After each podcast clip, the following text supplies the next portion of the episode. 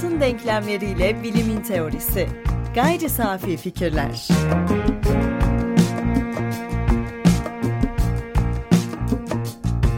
Gayri Safi Fikirlerin 70. bölümünden merhaba. Herkese merhaba. Ben Tansel Erdem Yılmaz. Ben Ömer Faikanlı. Bir önceki bölümde ve daha da açık ifade edecek olursak son iki bölümde anlam, bilgi, anlamı üzerinde yoğunlaştık ve bu bölümde de bunu ilerletmeye çalışacağız. Ee, bir sonraki bölümde ve diğer bölümlerimizde daha farklı bir konsept sizleri bekliyor. En azından onun şimdiden e, müjdesini ya da fragmanını verelim. Bu bölümde fakat konumuza devam edeceğiz. Aynı anlamlara ulaşmanın imkanı ve imkansızlığını tartıştık son olarak. Bunun yanında da bu imkanın çok da büyütülmemesi gerektiğinden bahsettik. Yani ortak anlamda buluşulduğundan hiçbir zaman emin olamayabiliriz. Fakat bu yine de bizim belli başlı kavramları tartışmamızın önünde engel değil. Bugün bilgi, malumat ve veri arasındaki üçlü çizgiyi tartışacağız ve kalın olan, yer yer kalın olan, yer yer ince olan bu çizgiyi tartışacağız. Öncesinde açılış için benim bir üçlü tanım alıntım olacak. Bunu e, Ian Hacking'in temsil ve müdahale eserinde okurken görmüştüm. Oradan ödünç alıyorum. Hem hakikat hem malumat hem de veri için bize faydası olacağını varsayıyorum. Çünkü bilmeyi kapsayan bir e, üçlü açıklama bu. Üçlü ayrışmada, bilmeye dair bu üçlü ayrışmada ilk sırada sentaktik işaretçi yani söz dizimsel işaretçi kavramı var. Bu e, ismi bir kenarda bırakacak olursak gramer farkından bahsediyor Hacking.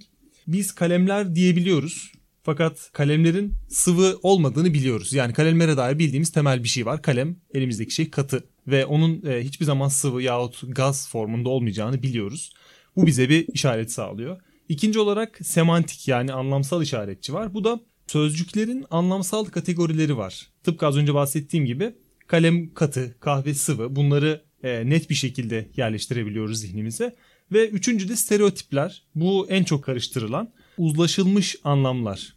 Buna e, belki 10-20 bölüm önce örnek vermiştik. Vasat kavramı. Bugün olumsuz anlamda kullanılsa da asıl anlamı ortalama, e, yerleşmiş anlamında kullanılıyor. Uzlaşılmış olan anlamın bilgisi bizi farklı yerlere götürürken asıl anlam farklı yerlerde olabiliyor. Yani biz seninle sohbet ederken çok vasat bir çalışma dediğimizde bizim anladığımız şey bunun ortalama olduğu fakat bu sohbetin dışarısında olan ve vasatın toplumda yerleşmiş anlamını kavramış biri için e, kötü bir çalışma olduğundan bahsettiğimizi düşünüyor olabilir. Yani aslında kelimenin anlamı ve yerleşmiş anlam arasındaki fark ciddi bir problem yaratıyor. Bu da biraz e, her şeyi karmaşıklaştırıyor gibi görünse de bizim Twitter profil fotoğrafımızda da kullandığımız bir söz var. Geçtiğimiz bölümde de bahsetmiştik. Feynman'dan alıntıydı bu. Bir şeylerin adını bilmek o şeyleri bilmek değildir. Bunu çok sık alıntılıyoruz çünkü e, bu bir tekrardan ziyade aslında bu biz ve bu podcast'i dinleyenler arasında bir anlaşma gibi. Çünkü biz adını bildiğimiz şeyleri bilmiyor olabileceğimize dair bir keşfe çıktık. Ee, burada da dinleyicilerimizi ortak ettik. Evet hemen ben dinleyicilerimizin de e, işin içinde olacağı başka bir örnek vereyim.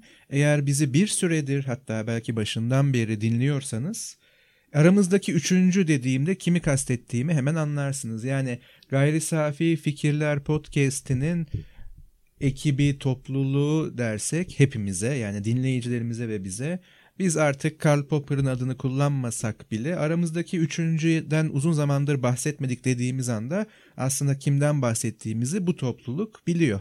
Ama şimdi başka biri veya sadece bu programda gerçi biraz önce Karl Popper olduğunu söyledim ama şu bağlamı kaçıracaktır. Neden aramızdaki üçüncü, neden böyle bir adlandırması var veya nitelemesi var diyecektir. Ama bu programı da yani şu kayıt aldığımız programı da dinlemeyen tamamen dışarıdan biri yani topluluk dışı biri aramızdaki üçüncü nitelemesinin kime gönderme yaptığını bu göstergenin göndereninin ne olduğunu veya e, işaret ettiği kişinin şeyin ne olduğunu asla bilemeyecektir. Aslında bu da işte yerleşmiş anlamla gerçek anlam arasındaki farka bizi götürebilir. Benim aklıma hemen şu soru geldi. Tabii ki dil felsefesi içerisinde Hatta dil bilim içerisinde bu tarz çalışmalar yapılıyor. İşte semantik e, ayrımlar, gramer çözümlemeleri vesaire gibi. Ian Hacking'den verdiğin örnekte olduğu gibi. Ama her zaman o basit sorunun peşinde koşmak belki bizim için daha iyi. Yani bizim için daha iyi bir başlangıç. Çünkü o çalışmalar da o basit sorudan yola çıktı. Benim buradaki basit sorum şu olacaktır. Aslında sen de bunun altını çizdin ama yerleşmiş anlamın ötesinde yani genel geçer ortalamada kullanılan anlamların ötesinde herhangi bir sözcüğün veya belki bir nesnenin bir göstergeye dönüştüyse gerçek bir anlamı var mı? Yani burada hemen böyle e, nöronlarım arasında bir çağrışım elektriği attı. Mesela iktisatta Karl Marx'ın Karl Marx'ın da kullandığı bir teoride veya da teorisinde kullandığı bir öğede değişim değeriyle kullanım değeri arasındaki farka bir gönderme yapar. Yani bir şeyin sizin doğrudan ihtiyacınızı karşılamasına yönelik değeri onun kullanım değeridir. Yani ne işe yarıyor senin hayatında ama değişim değeri bunun kat kat üstüne çıkabilir. Yani bunu en iyi belki de yayından önce programdan önce konuştuğumuz cep telefonları şu an Türkiye'de örneklendiriyor. Değişim değerleriyle kullanım değerleri örtüşüyor mu acaba herhangi bir marka cep telefonunun hele ki 14 bin liralara çıktığını düşünürsek? Aslında değişim değerlerinden bahsederken bunun anlamsal olarak bir değişim değeri de var. Yani Karl Marx'tan bahsediyoruz. Onun felsefesi ve ekonomi teorisinden bahsederken onun günümüzdeki uygulamalarından yahut günümüzdeki yorumlamalarını e, tartışan bir insan karşısında şu yorumu görebiliyor. Aslında Karl Marx bu değil. Yani bazı kavramlar yerleştikten sonra onun gerçeğini, onun olması gerekeni yani gerçek X bu değil, aslında X bu değil denilen şey yani yerleşmiş olan kavramın gerçek olmadığı onun ardında orada bir yerlerde gerçek bir kavramın olabileceği tartışması da bu e, yerleşmiş yani telefonların kullanım değeri ve onun asıl değeri arasındaki fark gibi ortaya çıkıyor. Yani şöyle hemen e, örnek de vereyim çünkü sen bunu söylerken bile aynı şeyin içine girdin. Değişim değeri, kullanım değeri bir metafor olarak elbette kullanıyoruz. Yani anlam, yerleşmiş anlamla gerçek anlam arasında gerçekten bir fark var mı? Realitede bir fark var mı diye sorduğumuzda e, ve sen dedin ki işte Karl Marx bile farklı çağrışımlarla hayır Karl Marx bunu söylemiyor veya da bu daha belki olgusal bir şey. Çünkü aç kitabı göster derim veya tersinden o bana söyler. Ha nerede bu metin teorinin neresinde geçiyor göster diyebilir. Ama Karl Marx'ın kendisi bir kavram değil burada anlam yüklü bir sözcük haline geliyor. Çünkü elbette şunun farkındayız bazı dinleyicilerimizin böyle kaşları çatılmaya başlamış olabilir. Bunlar kavram değil. Kavram nedir bilmiyor musunuz diye. Sözcükler, temsiller diyelim. Ben temsili daha çok seviyorum. Çünkü şu anda en azından fikrimi değiştirmezsem ama böyle bir e, ihtimal de var. Çünkü başka tür düşünmeye de başlıyorum sanki. Bu da bir spoiler olsun ileriye veya bir fragman olsun. Ama ben şu anda bayrak taşıyan cinsten temsilci teorinin taraftarıyım. Yani dilimiz, sözcüklerimiz, düşüncelerimiz gerçekliğin temsili olma iddiasındadır. Zaten epistemolojik soru da budur. Birden çok alternatif temsil olanaklı olduğu için hangisi doğru sorusunun peşinden gidiyoruz ve bunu yaparken de doğruluk nedir, nasıl belirleyeceğiz, hangi koşullar altında neye doğru diyoruz demekteyiz. 70 programın özeti bu aslında ve bizim buradaki anlamla şu anda alıp veremediğimiz de bu. Acaba bilgi, malumat, veri ayrımını yeterince analiz edebilmek için bunların anlamında hemfikir miyiz? Çünkü günlük dilde demin dediğin yani en azından şöyle bir özet geçiyorum. Demin söylediğin gibi yerleşmiş anlamda kimse bir malumatım var demez kolay kolay özel bir sözcük kullanma hevesinde değilse. Herkes her şeyi biliyor. Ama ona bilgi nedir, malumattan farkı nedir, veri nedir yani data nedir dediğimizde bunların hepsini bilgi sözcüğü altında eritiyor. Yani bilgi anlamı altında ve biz sanki söylüyoruz ki bilginin gerçek bir anlamı var. Bilgi kavramının veya teriminin işte malumatla da iyi ayrılması lazım. Çünkü bu ayrım gerçektir. Biz gerçekten bunu mu söylüyoruz? Aslında bizim söylediğimizden ziyade anlaşılan biraz daha ortaya çıkıyor. Fakat e, az önce çatılan kaşlar halen çatılmışsa onları biraz daha yumuşatmak için şöyle açıklayabilirim. Kavramlardan bahsetmiyor olabiliriz fakat bazen kavramlar da aslında anlamını yitirmiş ve eskimiş olabiliyor biz e, bundan herhalde 50 program önce paradigmadan bahsettik. Paradigmanın her yerde kullanıldığından bahsettik. Hatta e, bilim felsefesinden uzaklaşalım. Sosyolojiden bahsedebiliriz. Yani herhangi bir televizyon programını açtığımızda, herhangi bir politika programını açtığımızda işte bu işin sosyolojisi de bu.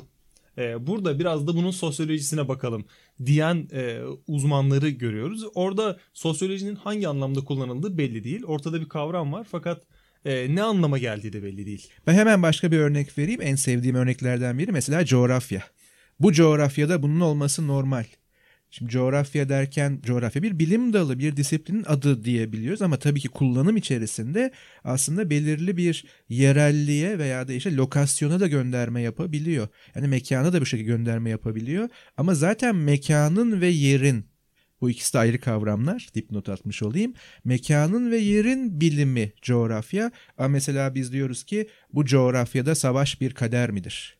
Ya da belki İbn Haldun'un sözünü hatırlatalım. Coğrafya kaderdir. Acaba burada mesela ben şöyle bir yorum yapsam Umberto Eco da artık yavaş yavaş aramızdaki dördüncü mü oluyor yoksa yorum ve aşırı yorum dediğimizde coğrafya kaderdir dediğimizde acaba coğrafya dersi almak zorundasını mı kastediyor?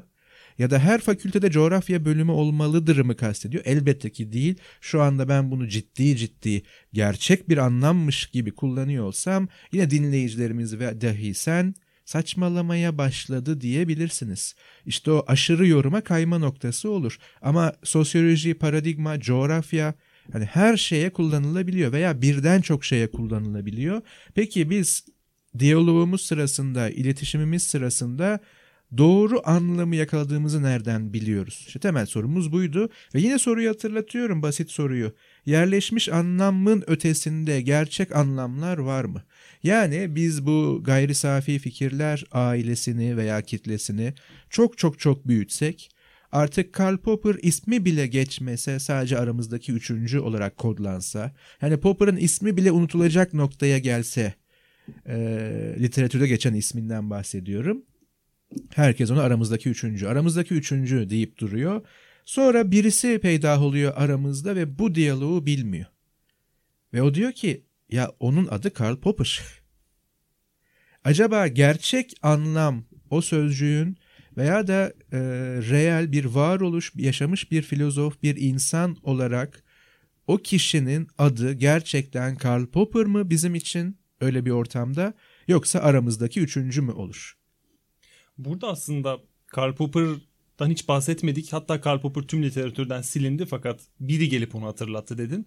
Bu kavramların cisimden bağımsız olarak ilerlediğini de gösterebiliyor. Yani biz yayından önce ve yayında da belki çok bahsettik. Örneğin Apple markası. Apple markası ne zaman yok olmuş olur? Son Apple ürünü satıldığında mı? Yoksa Apple tüm satış e, mekanlarının, tüm servislerinin e, lokasyonunu kapattığında, tüm operasyonlarını sonlandırdığında mı olur? Yoksa e, Apple'da çalışan herkes e, yaşamını yitirdiğinde mi olur? Yani burada ortaya çıkan kavramlar ve cisimden bağımsız bu kavramlar biraz da e, özgürleşmiş gibi görünüyorlar. Sanki bu özgürlük bilgiden doğan yani Apple markasının ki bu kadar çok tekrar ediyoruz ama umarım bir e, reklam alabiliriz kendilerinden. E, bilgiden doğan yani Apple markası bir bilgi yani Apple'ın varlığı bir, bize bir bilgi sağlıyor fakat onun üzerinden doğan diğer bilgiler biraz malumata kayıyor olabiliyor. Çünkü o yok olduktan sonra da devam ediyor. Yani gerçekliğini artık kaybetmiş bir bilgiden bahsediyoruz. Onun üzerinde bir hayalet gibi gezmeye başlıyor. İşte burada da tam anlamıyla bilgi ve malumat arasında sınır çizmemiz gerekiyor.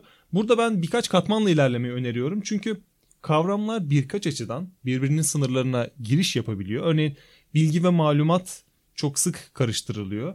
E, hatta biz bile bu karıştırma riskine e, dahiliz. O yüzden dikkatli ilerlemek gerekiyor. Ben bir kişiye bilgi ile malumat arasında fark var mıdır desem bu farkı kabul eder fakat aradaki farkı somutlaştırması o kişinin çok zor e, sözü karıştırmamış olsam benim için bile çok zor olabilirdi bu tartışmayı yapan kişi olarak. Bu İngilizce'de knowledge ve information farkına tekabül ediyor gibi görünüyor. Çünkü malumatı enformasyon olarak modelleştirsek ikisi arasındaki anlam farkı daha da bulanıyor. Çünkü bilgi ve info şu an Türkçe'de ve yer yer İngilizce İngilizce kavramları Türkçeleştirirken de birbirinin yerine kullanılan kavramlar. Şimdi alıntı yaparak iki tanımı vereceğim. Bilgi özü açıklamaya çalışan, bana kalırsa daha sakin olan, kavram olarak da bir nesne yahut şey özelinde anlama, deneyimleme özelinde edinilen şey. Yani bilgiyi bilgi yapan bana kalırsa onun edinilmesi ve bir bağlam çerçevesinde edinilmesi. Malumat, enformasyonsa Feynman'dan alıntı yapmıştık. Bir şeylerin adını bilmek gibi. E, zihne asla yapışmayan, deneyim içermeyen ve bilginin sadece en ulaşılır katmanından elde edilen şey. Yani bilgiyi uzaktan görüyoruz e, onun bilgi olduğundan eminiz. E, o halde onu edinelim. Onu biraz daha yakından tanıyalım mı? Yok. Ona şimdilik giriş yapmayalım. Çünkü malumat edinmek kısa sürmelidir. Malumat furuş olmak istiyorsanız kısa kısa bilgileri edinip heybenize ekleyeceksiniz. Yeri geldiğinde de kullanacaksınız ki buna da kulak, kulak uleması deniyor. Bilgileri bir yerlerden duyup onu da bilgi üretmiş gibi satan kişiler. E, işte malumat tam da onların aktardıkları şey kulak ulemaları biliyormuş gibi bilgileri satar. Hatta o bilginin biraz daha yani o bilgi olarak sundukları şeyin derinine inmeye çalıştığınızda size yine bir şeyler söylerler. Çünkü e, kendileri de farkındadır bunun temeli olmadığının ve bir tartışmada yetersiz kalabileceklerinin. Fakat e, bana kalırsa şöyle bir risk var. Malumatı veren kişiye malumatı ile ilgili sorular sorduğumuzda aldığımız bilgiye inanmak biraz riskli. Çünkü malumatı görece doğru olsa da o malumatı eşelediğimizde elde ettiğimiz şey bizi tekinsiz bir yola götürebiliyor. Bu da popüler dönemdeki yani modern dönemdeki televizyonlardaki uzmanların yani yarı uzmanların her şeyden anlayan İsviçre çakısı gibi e, bilimden de anlıyor, tıptan da anlıyor, her programda yer alıyor, her şeyi biliyor, her şeyi bilmek zorunda. Onların anlattıklarına şüphe duyarken belki de bize fayda sağlayabilir. E, sen bu ayrımı nasıl netleştirirdin? Ha, bir kere şey çok hoşuma gitti. Kulak uleması e, bilgiyi bir yerlerden duyan veya malumatı aslında e, daha sonra bunu bir anlamda aktarıcısı olan veya onun taşıyıcısı olan. Tabi burada hemen şöyle bir koşul koyuyorum. Hani işin içinde bir kötü niyet yok. Yani bir trollük veya yalan haber yayma veya ya, yalan malumat, yalan bilgi, yanlış bilgi yayma bilinçli durumun olmadığını varsayalım. Ama kulak, kulak, kulak uleması e, tanımlaması çok güzel çünkü hepimizi biraz tanımlıyor. E, ama buradaki belki de ölçüt şu. Bilginin kaynağı ne veya buna çünkü bilgi diyecektir. Bu bir malumat demeyecektir. Biliyorum işte dıt dıt dıt diye bir cümle kurdu veya da uzun bir söylemde bulundu. Ve bizim temel olarak soracağımız soru şu. Bunun doğru olduğunu nereden biliyorsun? Veya bu bilginin kaynağı ne? Şimdi aslında biz kulak ulemasıyız ama aynı zamanda kitap ulemasıyız. Çünkü okuduğumuz kitaplara ne kadar güveniyoruz? Burada sakın ha hani kitaplar güvenilmezdir değil ama ne kadar güvenilirdir? Bu meşru bir soru. Çünkü belki Platon'un ama özellikle Aristoteles'in episteme tanımını bugüne şu şekilde uyarlayabiliriz. Doğruluk değeri gerekçelendirilebilir ifade, teori veya kavrayış. Bunu da koyabiliriz. Bilginin tanımı için yani bu e, bir tür malumattan ayırt etme ölçütü olabilecek. Ne demeye çalışıyorum? Doğruluk değeri gerekçelendirilebilir. Bunu sıfırla bir arasına koyabiliriz ve unutmayalım ki yanlış da bir doğruluk değeridir. Bakın doğru değeri değil doğruluk değeri. Dolayısıyla elinizdeki malumatın veya elinizde bilgi olduğunu düşündüğünüz şeyin doğruluk değerini gerekçelendirebiliyor musunuz? Şimdi bu gerekçelendirmede kulak veya kitap ulemasının yaptığı şey şu olacaktır. İyi de şu kitapta okudum. Şu hocanın veya şu yazarın kitabında okudum.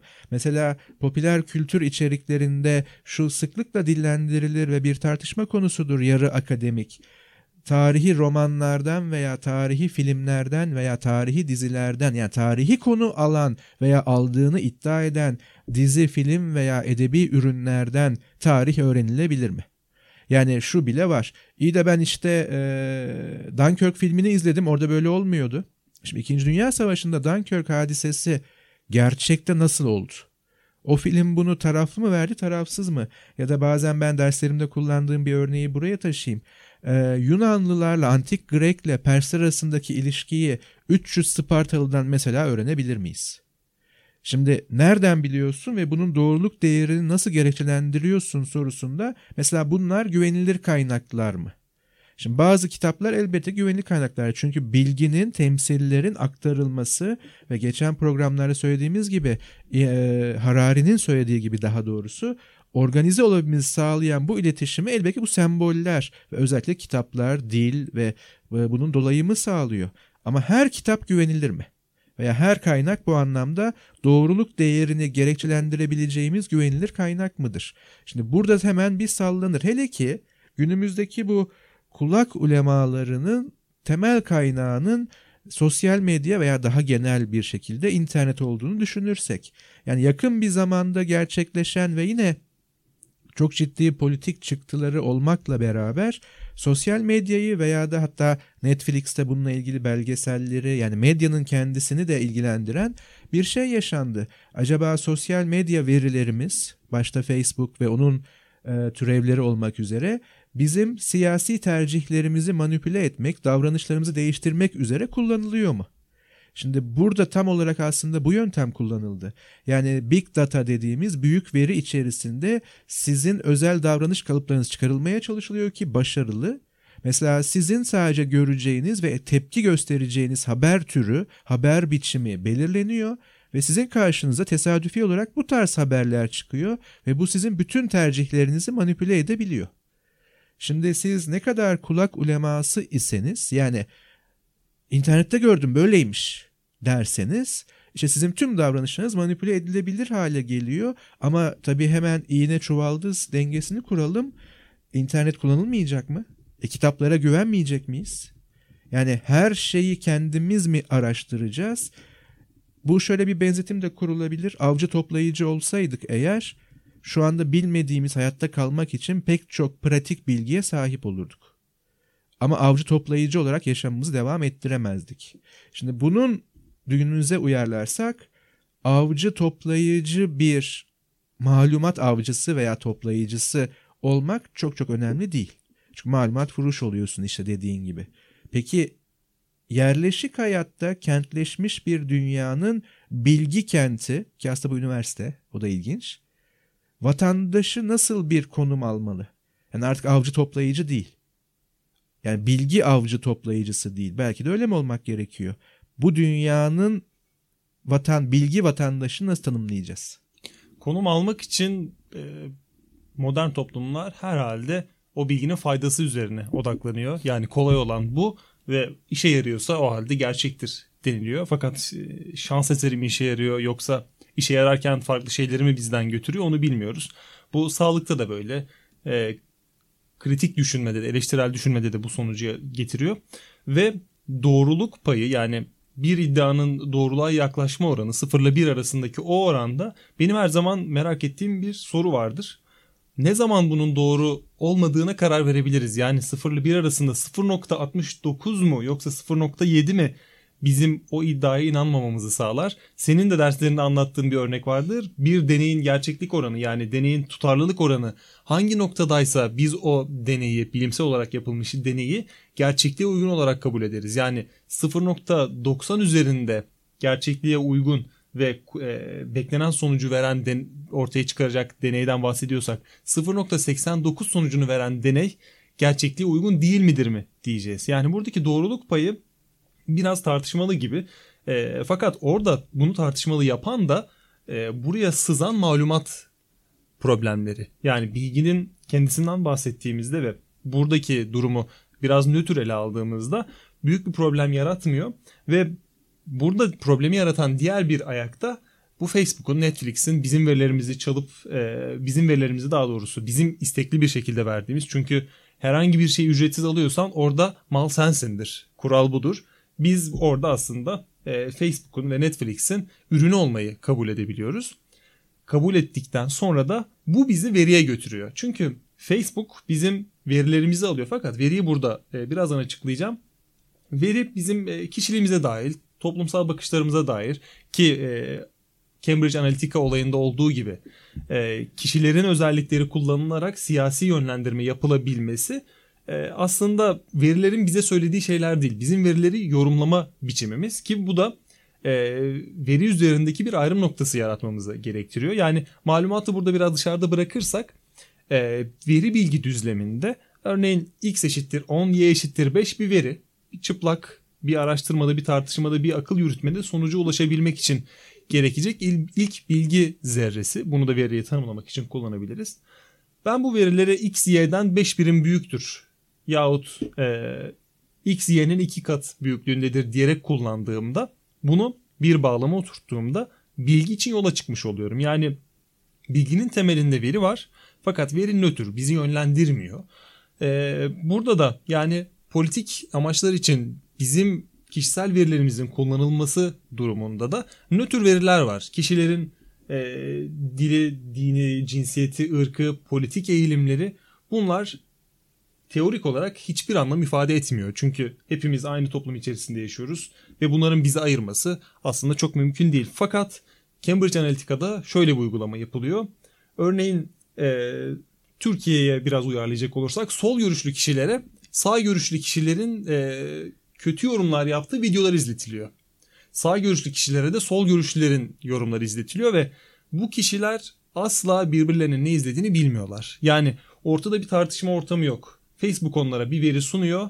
O bu veriyle iyice e, kendini şahinleştiriyor. Yani uçlara ilerliyor bu bilgiyle. Ve e, sonuçta zaten kimi seçileceği belli oluyor. Burada ortada bir veri var. Bunun nasıl yorumlandığına göre kişilerin yönelimleri çok net değiştirilebiliyor. Ee, şöyle bir soru ortaya atabilirim belki. Malumat sahibi kişi sadece verileri mi kullanarak malumat yapıyor? Yani Facebook'u dışarıda bırakacak olursak ya da Netflix'i. Yoksa bilgiye mi daha yakın? Yani daha da netleştireyim. Alt anlamın anlamlarını açıklamadan, analiz etmeden sürekli istatistik paylaşan bir televizyon programcısı, bir e, Twitter fenomeni aslında e, verileri kullanan ve bizi bilgilendirmeye çalışan birinden ziyade malumat satıcısı diyebilir miyiz? Ya diyebiliriz ama tabii burada da aslında bir skaladan, bir yelpazeden bahsetmek lazım.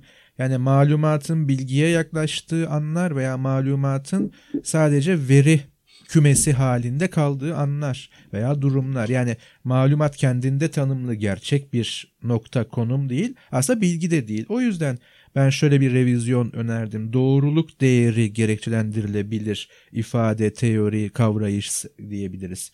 Aslında bilgiyle malumata baktığımızda çok da yeni kavramlar, kavrayışlar değil. Sadece bağlam değiştirdi, belki dil değiştirdi, terim değiştirdi, yani temsil değiştirdi. Çünkü e, presokratiklerden beri yani Sokrates öncesi filozoflardan beri ama yine altını çiziyorum özellikle Platon ve Aristoteles'ten beri bildiğimiz veya da yaptığımız belki bu terim daha doğru episteme doksa ayrımı bundan farklı bir şey değil. Hatırlatalım belki unutmuş olan dinleyicilerimiz vardır veya buradan bize dahil olmuş dinleyicilerimiz vardır. Doksa Türkçe'ye çevirirsek sanı veya kanı.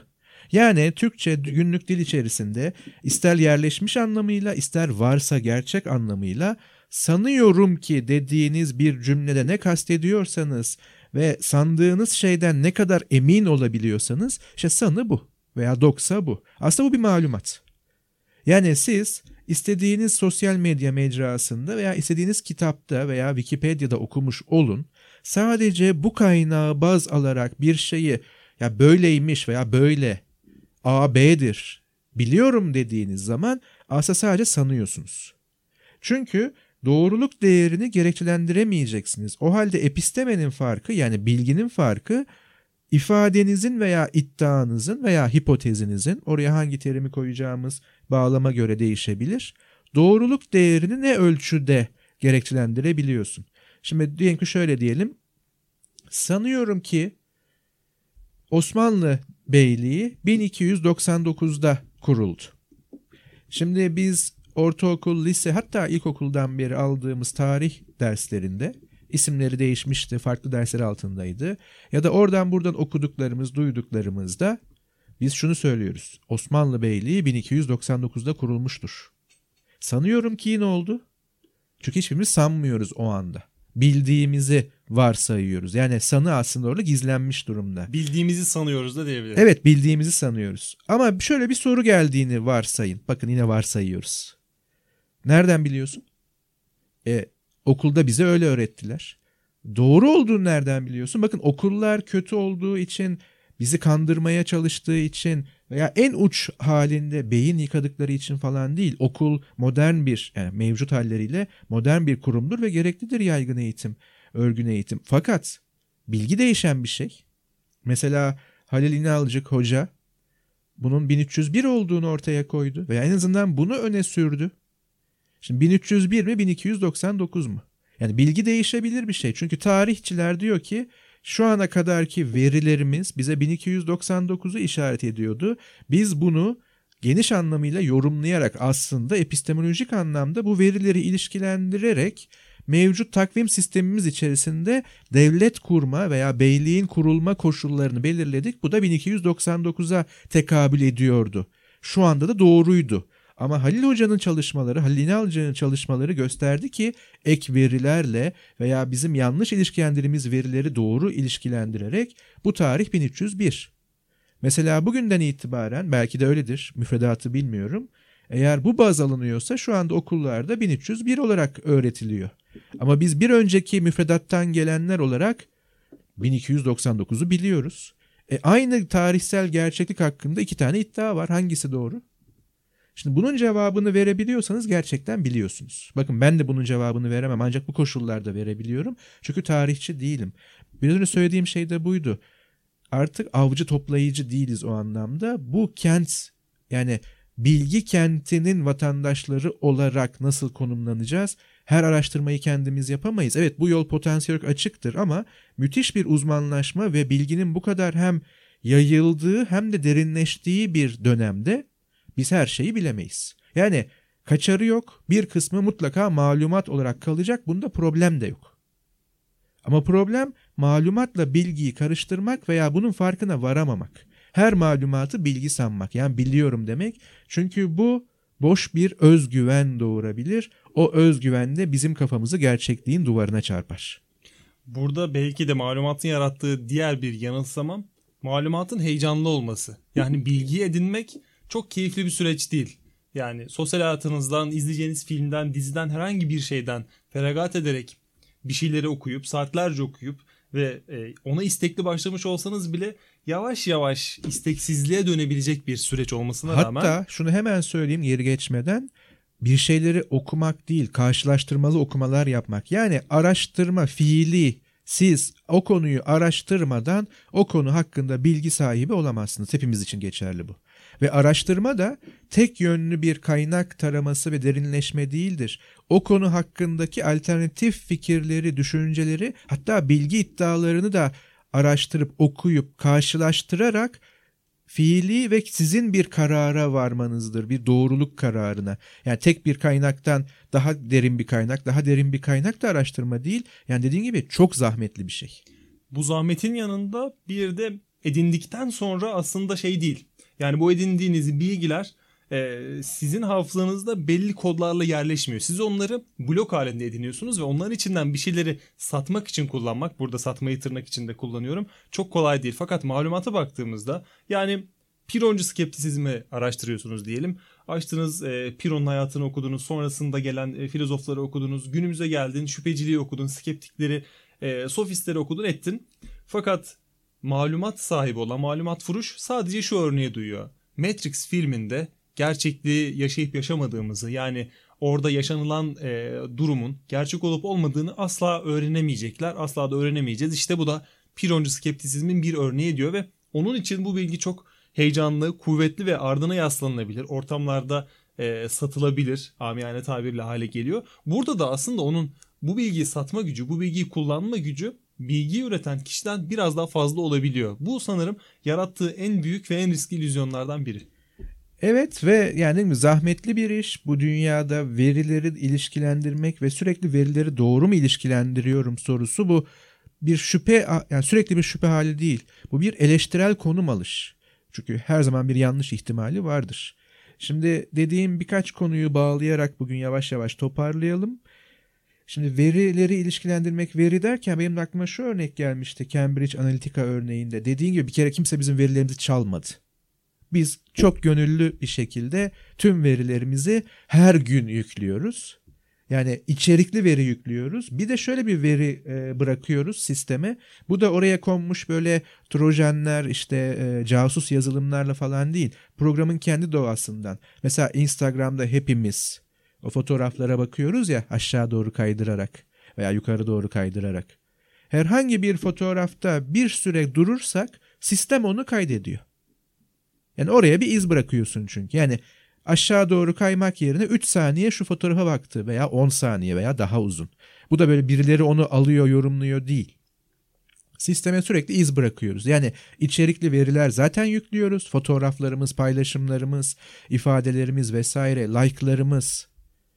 Artı bir de bu tarz izler bırakıyoruz. Yani veriler bırakıyoruz. Facebook veya Cambridge Analytica bunu kullanırken işte bu big data yani düşünebiliyor musunuz? Facebook'un veya Instagram'ın veya işte WhatsApp'ın kullanıcı sayısının her gün bıraktığı sisteme izleri. O yüzden big data, big veri, büyük veri.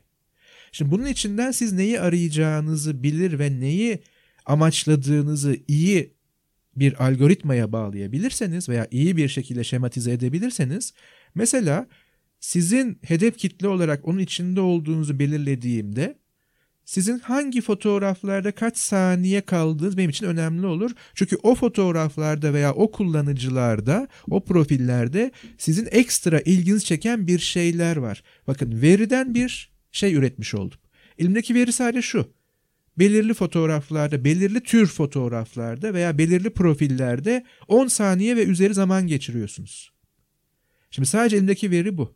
Ben diyorum ki o zaman bu veriyi kullanarak bu profilde, fotoğraflarda bir şey var senin özel olarak ilgini çekiyor. Mesela bu milliyetçi bir unsur olabilir. Bu ideolojik bir unsur olabilir. Bu estetik bir unsur olabilir. Onu bulmak artık benim işim. Şimdi ben senin dikkatini çekmek ve sana bir mesaj iletmek istiyorsam açık veya örtük, sana artık hangi dikkat çekici nesnelere geleceğimi biliyorum. Veriden bilgiye böyle geliyor. Ya Cambridge Analytica durumunda.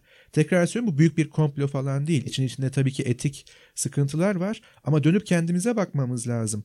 Biz neyi, niçin ve ne kadar paylaşıyoruz? Ve bundan neden rahatsızız eğer rahatsız isek? Ama sonuç rahatsız olunacak bir sonuç. Çünkü bize belirli kanallar hem de bizim tercih ettiğimiz kanallar kullanılarak fikirlerimiz ve davranışlarımız değiştiriliyor ve biz bunun bile farkına varamıyoruz. varamıyoruz. İşte sorun bu. Ama reel dünyada, politik dünyada, sanal dünyada, gerçek dünyada yani hepsinde ne kadar dünyamız varsa hepsinde bu durum fiilen yaşanıyor. Yani büyük seçimlere de manipüle, manipülasyon karışabiliyor. Reklamlarda böyle yapılabiliyor. Bunlar kendinde iyi veya kötü değil. Bunlar birer hadise, bunlar birer vukuat, bunlar birer olay, olgu. Biz bunu anlamaya çalışıyoruz ve şunu göstermeye çalışıyoruz. Epistemoloji öyle Platon'un tanımları, felsefe tarihinin tozlu raflarında kalmış uzmanların işi falan değil. Cambridge Analytica, Analytica meselesi dahil günümüzdeki bu meseleler bilgi, malumat, veri ilişkisini kullanıyor. Ve bu da epistemolojidir başka bir şey değil. Bu ilişkinin neresinde yer alacağımız da bizim e, hem sosyal hayatta hem de mental olarak konumumuzu belirleyecek. E, markalar, firmalar bizim verilerimizi elde edebilir. Fakat bizim onları bunlara ne koşulda verdiğimiz ve çoğunlukla istekli olarak verdiğimizi görüyoruz.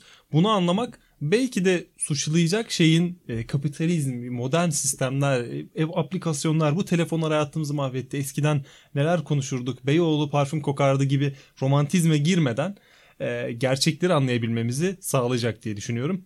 Ve e, aslında bu tartışmayı da burada sonlandırmış bulunuyoruz. E, bilgi, malumat, veri arasındaki farkı bu şekilde açıkladık. Bize sorularınız olursa bizi Twitter'da Gayri Safi Fikirler adıyla takip edebilirsiniz. iTunes'dan Ekşi Sözlük'ten eleştirebilirsiniz, övebilirsiniz, yorumlayabilirsiniz ve yorumlarınızı okuyoruz, takip ediyoruz. Gelen mailleri de takip ediyoruz. Nasıl mail atacağız derseniz merak ettiğiniz sorular için gayri safi fikirleri gmail.com üzerinden bizlere erişebilirsiniz. Görüşmek üzere. Görüşmek üzere.